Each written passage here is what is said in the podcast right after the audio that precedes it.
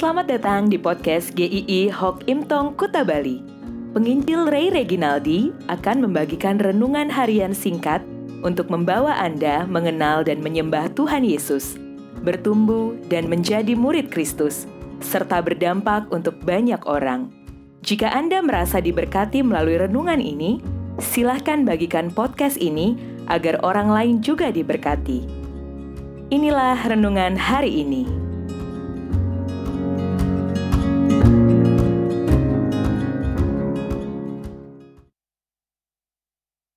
Kebangkitan. 1 Korintus 15 ayat 3 dan 4 Sebab yang sangat penting telah kusampaikan kepadamu yaitu apa yang telah kuterima sendiri ialah bahwa Kristus telah mati karena dosa-dosa kita sesuai dengan kitab suci bahwa ia telah dikuburkan dan bahwa ia telah dibangkitkan pada hari ketiga sesuai dengan kitab suci kita bisa memikirkan seberapa krusial kebangkitan Tuhan Yesus Kristus. Kematian Tuhan Yesus tidak akan pernah ada artinya jika Tuhan Yesus tidak pernah bangkit. Tuhan Yesus hanya akan dikenang atas pengajarannya, mujizatnya, namun tidak pernah berdampak apa-apa dalam kehidupan manusia. Tanpa kebangkitan, Tuhan Yesus hanyalah salah seorang tokoh besar yang sejajar di antara tokoh-tokoh dunia lainnya yang pernah hidup di dalam dunia ini. Tanpa kebangkitan, berarti Tuhan Yesus sama sekali tidak berdaya. Sama dengan manusia lainnya yang tidak berdaya, yang akan habis lenyap di telan kematian. Bahkan tanpa kebangkitan, semua pengajaran Tuhan Yesus akan menjadi omong kosong. Dia akan dicap juga sebagai penipu yang tidak bisa menjaga ucapannya. Maka tanpa kebangkitan Tuhan Yesus, kita juga bisa menyimpulkan kekristenan pun tidak pernah ada.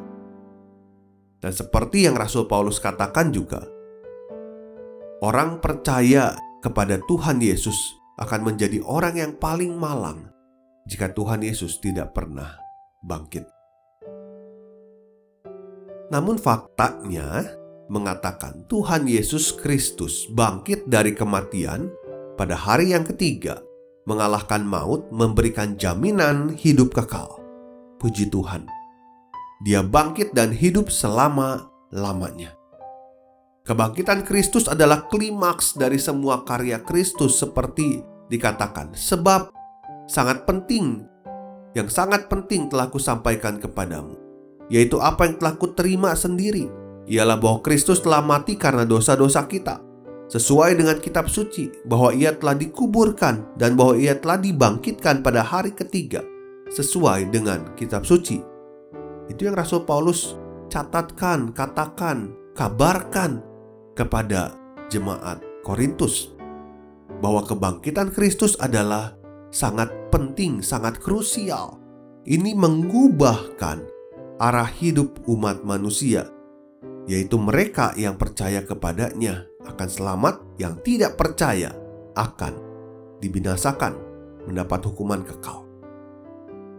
Kebangkitannya menunjukkan kesempurnaan karya Kristus dari kelahiran yang ajaib, kematian di kayu salib, dan kebangkitan di hari ketiga.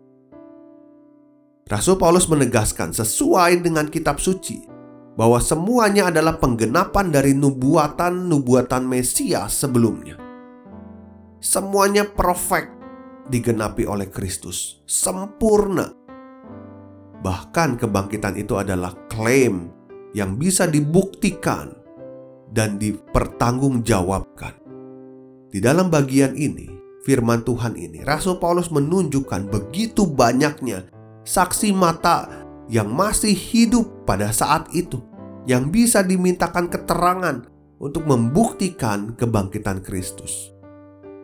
Kristus bangkit, Kristus hidup, maut dikalahkan. Maka pada momen Paskah ini, karena Kristus sudah bangkit, kita memiliki hidup yang kekal hidup yang pasti, hidup yang penuh sukacita bersama dengan Allah, bukan hanya nanti, tetapi hari ini kita sudah menikmatinya. Kebangkitan Kristus membuat orang percaya tidak takut lagi untuk menghadapi ketakutan terbesar kita, yaitu kematian.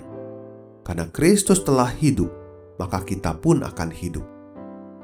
Kebangkitan Kristus juga memberikan kita kekuatan yang kokoh untuk kita bisa menghadapi pada hari ini, di dalam hidup ini, penderitaan seberat apa pun. Kebangkitan Kristus juga sebagai batu penjuru yang kokoh, sebagai dasar iman kita di dalam Tuhan Yesus.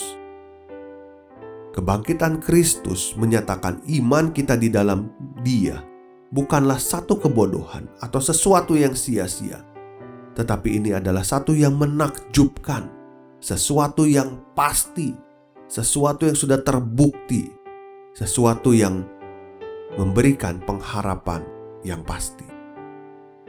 Selamat Paskah untuk kita semua. Biarlah kita menikmati terus akan hari-hari hidup kita dengan iman di dalam Tuhan Yesus. Besok kita akan membahas satu topik yang menarik tentang hak saya. Apa hak kita? Kiranya Tuhan memberkati.